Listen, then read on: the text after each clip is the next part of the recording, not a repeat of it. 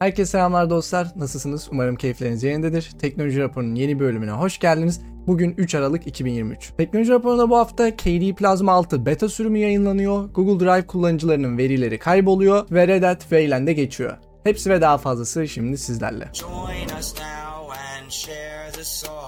Red Hat RHEL 10 ile birlikte artık Xorg'u dağıtımlarına dahil etmeyecek. RHEL 10'un yayınlanma planı ise 2025'in ilk çeyreği. Linux'un şirket kısmında da Wayland'in varsayılan olmaya başladığını görüyoruz. Cinnamon 6.0 sürümüyle birlikte Wayland desteği geldi. Tabii önceki haftalarda konuştuğumuz gibi deneysel ama Cinnamon kullanıcıları güncellemelerini yaptıysa deneme amaçlı test edebilirler. KD Plasma 6'nın herkes açık beta sürümü yayınlandı. Artık yavaş yavaş son aşamaya geliyorlar. Ben de Plasma 6'nın yakın zamanda videosunu çekip yayınlamak istiyorum. Biliyorsunuz KD kullanmayı çok seviyorum ve Plasma 6'da da bir sürü yeni değişiklik var. Yakın zamanda videosunu çekmeyi planlıyorum. Firefox Mobile'e birçok yeni eklenti geleceğini geçtiğimiz haftalarda konuşmuştuk ve bunun tam tarihi belli oldu. 14 Aralık'ta Firefox Mobile'e 400'den fazla eklenti kurabileceksiniz. Tabii 400'den fazla eklenti kurabiliyor olmanız bütün eklentileri indirip kuracağınız anlamına gelmiyor. Ama birçok popüler eklenti artık Firefox Mobile'de çalışmaya başlayacak ve bu hareketin ben Firefox Mobile'i öne çıkaracağını düşünüyorum. Let's rock. Stable Diffusion'ın yeni yayınladığı model herhangi bir resmi hareketli yapabiliyor. Yalnız çıktıya almak RTX 3060'lı bir sistemde 30 dakika civarı sürebiliyormuş. Dolayısıyla kendi bilgisayarınıza yapmak isteyeceğiniz bir şey değil. Kendi bilgisayarınızda Stable Diffusion'la resim üretebiliyordunuz ama hareketli resim üretmek çok daha fazla güç istiyor. Yine de güzel örnekler var resmi hareketliye çevirme konusunda. Avrupa Merkez Bankası'nın yaptığı araştırmaya göre yapay zeka genel olarak işinizi değil maaşınızı tehdit ediyor. İşlerin kaybolmasından ziyade yapay zekanın yeni iş türleri yarattığını ve genel olarak maaşları azalttığını gözlemlemişler. Bence illaki spesifik olarak bazı şirketlerde işler boşaltılmış olabilir. Tamamen yapay zekaya devredilmiş olabilir. Yani çünkü duyuyoruz böyle örnekleri Reddit'te ya da başka yerde insanlar paylaşıyor işte bu şirket bu konuda tamamen yapay zeka geçirdi. 10 işçi işinden çıkardı falan filan. Ama elimizde genel bir veri yoktu. Yapılan araştırmanın doğru olduğunu varsayacak olursak Avrupa Merkez Bankası'nın yaptığı bu araştırmaya göre büyük resimde genel olarak yapay zeka işleri tehdit etmiyor ama e, maaşınızı tehdit ediyor yani maaşınızı düşürebiliyor. Şu anlık korkulduğu kadar bir şey yok yani ama bakalım ilerleyen zamanlarda bu nereye kadar gidecek. Stability AI'nin yeni geliştirdiği model ile birlikte klavyenizde siz yazı yazarken çok hızlı bir şekilde resim üretebiliyorsunuz. Artık dakikalarca bir resim için beklemek zorunda kalmıyorsunuz. Yani siz daha mesela kedi elma yazıyorsunuz mesela hemen kedi ile elma hakkında bir resim üretmeye başlıyor bile. Siz yazdıkça da hızlı bir şekilde arkada yeni resimler üretiyor. Çok korkutucu bir hızda üretiyor yani resmi. Ama tabii üretilen resmin kalitesi de ona göre düşüyor. Yani işte böyle yapay zeka ile üretilen bazı böyle fantastik resimler görüyorsunuz. Yapay zeka mı gerçek mi aradaki farkı ayıramıyorsunuz ama burada o kadar yüksek bir kalite yok. Tabii ki hız kazanıyorsunuz ama kaliteden de bir nebze ödün veriyorsunuz. Bütün bunlara rağmen yine de güzel resimler üretilebiliyor. Merak ediyorum bundan 10 sene sonra yapay zeka nasıl olacak? Yani inanılmaz hızda büyüyorlar gerçekten. Google Chrome desteği Android 8'in altında olan kişiler için önümüzdeki aylarda sonlandırılacak ve Google takvim desteği ise Android 7.1'in altındakiler için sonlandırılacak. Takvim çok önemli değil de Android 8.6 bir cihaz kullanıyorsanız Google Chrome'da kalmamanızda fayda var. Çünkü güvenlik yamalarını artık alamayacaksınız ve Google Chrome'un eski sürümünü kullanıyor olacaksınız. Bu da birçok açığa maruz kalabilirsiniz anlamına geliyor.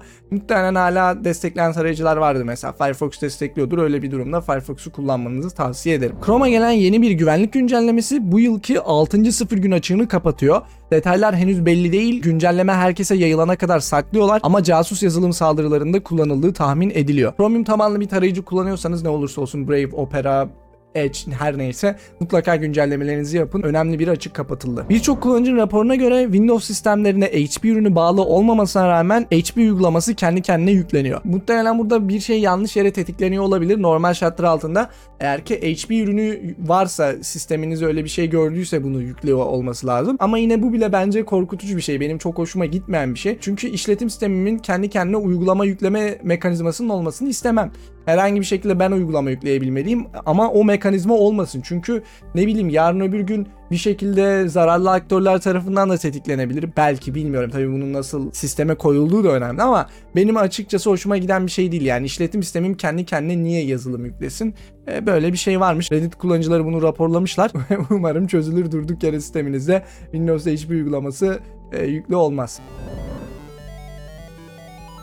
VKD 3'lerin yeni sürümüyle birlikte artık Linux'taki Nvidia kullanıcıları oyun oynarken ek argüman girmeden Ray Tracing'e aktif edebilecekler. Bu neden daha önceden gelmedi bilmiyorum. Yani sa- çok saçma geliyordu bana da her bir oyunda Ray Tracing aktif etmek için ek bir argüman girmem gerekmesi artık bu varsayım olarak açık olacak. YouTube'un oyun işine gireceğini geçtiğimiz haftalarda konuşmuştuk. Premium üyesiyseniz şu an bu özelliği test edebiliyorsunuz. Ben test ettim. Bildiğiniz böyle YouTube uygulaması üzerinden mobilden bahsediyorum mini oyunlar var. İşte böyle Subway Surfers'ı biliyorsunuz ya onun gibi ona benzer oyunlar tabii bir ton çeşit oyun var. Böyle bil- bildiğiniz mini oyun şeklinde oynayabiliyorsunuz. Ama neden hani böyle bir şey yapıyor YouTube bilmiyorum. Ne alaka YouTube'un oyun oynatması. Tabii ben premium üyesi olduğum için ve şu an test aşamasında olduğu için herhangi bir şekilde reklam falan yoktu oyunlar arasında. Tahminim bunun iş işe çevrilebilmesi için oyunları bağımlılık yapıcı şekilde ayarlamaları yani işte e, insanlar oyuna tekrar tekrar girmek isteyecek. Belki özellikle çocuklar tekrar tekrar girmek isteyecek. Ve oyunların aralarında reklam çıkartacaklar. Şimdi biliyorsunuz YouTube normalde para kazandıran bir şey değil Google'da çok fazla. Çünkü arka planda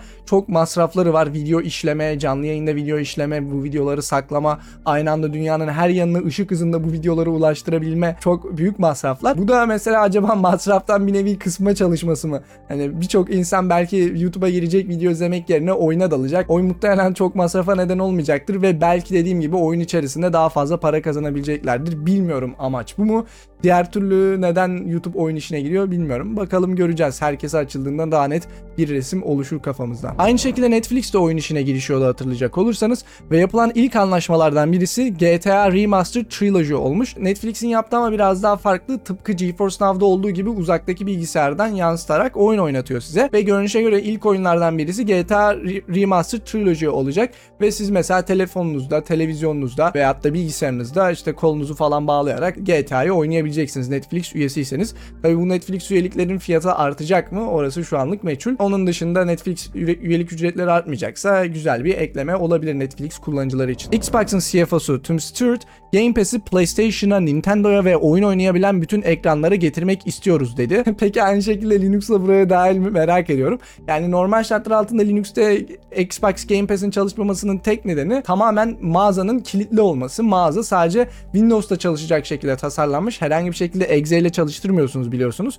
UWP uygulamalarıyla çalıştırıyorsunuz e, Xbox Game Pass'i. E, dolayısıyla exe'de olmadığı için Linux'ta çalışmıyor. Halbuki mağaza Excel'i olsa muhtemelen Linux'ta da düzgün bir şekilde çalışacak ve birçok oyunu oynayabileceğiz. Madem bütün ekranlara getirmek istiyorsanız lütfen Linux'a da getirin. Birçok kişi biliyorum çünkü birçok kişi Game Pass yüzünden Linux'a geçmiyor. Yazıyorsunuz çalışıyor mu çalışmıyor mu diye. Maalesef çalışmıyor. Bu açıklama sonrası düşündürmüyor değil. Belki gelir kim bilir. Sizce ilerleyen zamanlarda Microsoft bu mağaza kilidini kaldırır mı? Artık Wayland üzerinde oyunları X-Wayland kullanmadan oynayabileceksiniz. Bu konu hakkında geçtiğimiz aylarda çalışmalara başlanmıştı ve hızlı şekilde sonuçlandı. Şu an bir eksisi var yalnız mouse'la oynarken sorun yaşayabiliyor musunuz? Bu da ilerleyen güncellemelerle çözülecek. Bunun artısı şu olacak. Önceden Wayland kullanıcıları oyun oynamaya çalıştığında X Wayland üzerinden oynuyordu ve burada bir FPS ve performans kaybı yaşanabiliyordu. Artık bu güncelleme ile birlikte bu kaybı yaşamayacaksınız. Yine gelişmeleri size aktarıyor olacağım. Damn, son, where'd you find this? Google Maps'te yıllardır var olan renkler değişti ve insanlar ikiye bölündü. Bir kısım yeni renklerin daha iyi olduğunu söylerken bir diğer kesim ise eski renklerin daha iyi olduğunu söylüyor. Ben çok haritalar uygulamasını kullanmıyorum açıkçası. Dolayısıyla bu renk değişimi beni çok etkilemiyor. Ama yine resimlere baktığımda bana da eskisi daha iyi geliyor gibi. Benimki muhtemelen göz aşinalığından olsa gerek.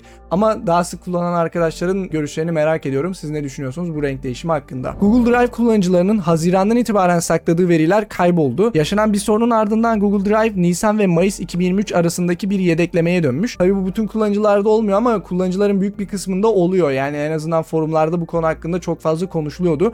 Birçok kişinin başına gelmiş. E, Umarım sizin başınıza gelmemiştir. Ben de Google Drive kullanıyorum ama e, aktif olarak değil yani aylar önce attığım birkaç şey falan duruyor. Veri kaybı kötü bir his biliyorum ve umarım bu sorunu düzeltebilirler. Düzeltemezlerse de o verilere elveda diyeceksiniz. Biliyorsunuz bu kanalda size tekrar tekrar bir şey söylüyorum veri yedekleme konusu hakkında. Bir veriniz 3 yerde yoksa o veriniz yok demektir. Dolayısıyla önemli verilerinizi bir yerde saklamayın. İki yerde de saklamayın. En azından 3 farklı yerde olsun. Hani bir e, kendi ana bilgisayarınızda olabilir. Bir USB'nizde hafıza kartınızda olabilir. Bir de mesela uzak bir sunucuda olabilir. Google Drive olur, Dropbox olur falan filan. Tek bir yere güvendiğinizde sıkıntıyla karşılaşabilirsiniz. Mesela hiç Google Drive'ın başına gelmez diyecek şey bile gelebilir. Niye gelmesin? O da bir sistem. Orada da bir hata olabilir. Orada da bir açık olabilir. Dolayısıyla önemli verilerinizi en az 3 yerde tutmanız gerekli.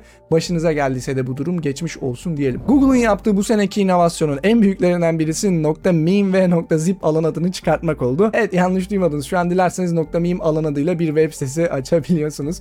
Ee, yani tabii bunu çoğu insan sevmiyor. Hani .meme çok önemli değil de belki .zip gerçekten çok kötüydü Google adına. Yani bunu hiç açmamaları lazımdı bence. Çünkü insanlara oltalama saldırısı yapabiliyorlar .zip ile birlikte çok daha kolay oldu. .meme de gelmiş yani dilerseniz öyle bir site fikri varsa kafanıza açabilirsiniz. Amazon'da şu an birçok işçi ofislere dönmeyi reddediyor. Bu durum uzun süredir haberlerde yer alıyor ama bizim gündemi pek alakadar etmediği için paylaşmamıştım. Amazon'un yöneticilerinden birisi ofiste çalışmak evde çalışmaya kıyasla çok daha iyi ve verimli. Elimde veri yok ama öyle olduğunu biliyorum demiş. Komik bir durum çünkü Amazon gibi bir şirketin elinde veri olmaması imkansız. Yani bir- birçok konu hakkında verileri var ve dünyanın en fazla veriyi toplayan şirketlerinden birisi Amazon. Kendi işçileri hakkında da bir sürü veriyi topluyordur. Ben bu konu hakkında geçtiğimiz aylarda bir yazı okumuştum. Şu an Amerika Birleşik Devletleri'nde her birçok insan evden çalıştığı için ofisler boşa çıkmış ve artık kiralanmıyormuş ve bundan birçok kişi rahatsız. Koskoca binalar sırf işte Google, Amazon ve birçok teknoloji şirketinin işçileri ofislere gelsin diye kurulmuş şeyler. Koronadan beri düşünün kiralanmıyorlar. Ee, boşa çıktı o, o bütün binalar. Dolayısıyla birçok insan şirketlerin ofise dönme konusunda ısrarcı olduğunu söylüyor ki mantıklı bir durum. Yoksa normal şartlar altında evden çalışmak birçok iş için en azından çok daha verimli. Gerçekten görebiliyorsunuz. Çünkü işe gitmek demek, ofise gitmek demek bir defa yol için zaman ayırmak demek. Yolda zaman ayırıyorsun. Hem mental hem fiziksel enerjin gidiyor tabii burada. Hem iş ortamında işte gereksiz konuşmalar olabiliyor ya da iş, e, yani iş dışında her şeye odaklanabiliyorsun ofis e, ortamlarında. Dolayısıyla evden çalışmanın birçok anlamda çok daha verimli olduğunu biliyoruz ama bütün bu ısrarın nedenini merak ediyorsanız muhtemelen az önce size söylediğim şey. Kanada ülkesindeki yasalar yüzünden sosyal medya uygulamalarının artık haber paylaşmaktan çekildiğini geçtiğimiz aylarda konuşmuştuk. Hatırlamayanlar için bunun nedeni Kanada hükümeti bu tarz platformların haber sitelerine hiç para vermeden haberleri yayınlamasını istemiyordu. Görüşe göre Google ve Kanada bu konu hakkında bir anlaşmaya varmışlar. Google Kanada haber sitelerine yaklaşık 100 milyon dolara kadar para ödeyebilecekmiş bu durumdan dolayı. Ben de bu haberi okuduktan sonra aklıma şöyle bir soru işareti geldi. Neden o zaman diğer ülkelerde de aynı şey olmuyor? Yani Kanada'da bu bir yasa üzerine geldiyse Türkiye, Amerika Birleşik Devletleri ya da herhangi bir ülke için de gelebilir. Türkiye'deki haber siteleri de aynı şekilde Google'dan para kazanabilsin bence. Belki yetkililerin duyması gerekiyordur ve yetkililer beni izliyor biliyorum. Dolayısıyla bu haberi yetkililerle paylaşmak istedim. Apple Türkiye yine cihazlara zam yaptı. Yeni zamlara baktığımızda iPhone 14 ve iPhone 15 Plus Pro modellerinin fiyatları yükselmiş. Tabii hepsini şimdi burada tek tek söylemeyeyim ama mesela iPhone 15 128 GB'ın fiyatı 49.999 TL'den 53.999 TL olmuş. iPhone 15 Pro'nun ise yine 128 GB'lık modeli 64.999'dan 69.999'a yükselmiş. Yani hepsinde ortalama 5-6 bin liralık bir artış olduğunu görüyoruz. Biliyorsunuz Google 2024 yılında eklenti olarak Manifest V3 sistemine geçecek. V2 kullanan eklentileri ise kaldıracak. Bunun daha önceden reklam engelleme sistemine nasıl zarar verdiğini konuşmuştuk kanalda. Ama görünüşe göre Google bununla da kalmıyor. Güncellenen filtrelerin kendi onayından geçirilmesini talep ediyor. Bu da demek oluyor ki eklenti güncelleme yaptığında, filtre güncellemesi yaptığında Google'dan izin alması gerekecek e, ya da Google'dan onay alması gerekecek diyelim. E, ve bu onay süresi çok fazla uzayabiliyor. Okuduğum web sitesindeki yazıya göre bu süre birkaç saat ile 3 hafta arasında sürebiliyor. Bu neden kötü? Şöyle düşünün. Diyelim normalde reklam engelleyiciniz bir sayfadaki reklamları engelliyor. Bu web sitesinin geliştiricileri nasıl engellediğini çözdü ve yeni bir sistem getirdiler. Artık reklam engelleyiciniz engelleyemeyecek. Çünkü buna karşı bir sistem koymuşlar.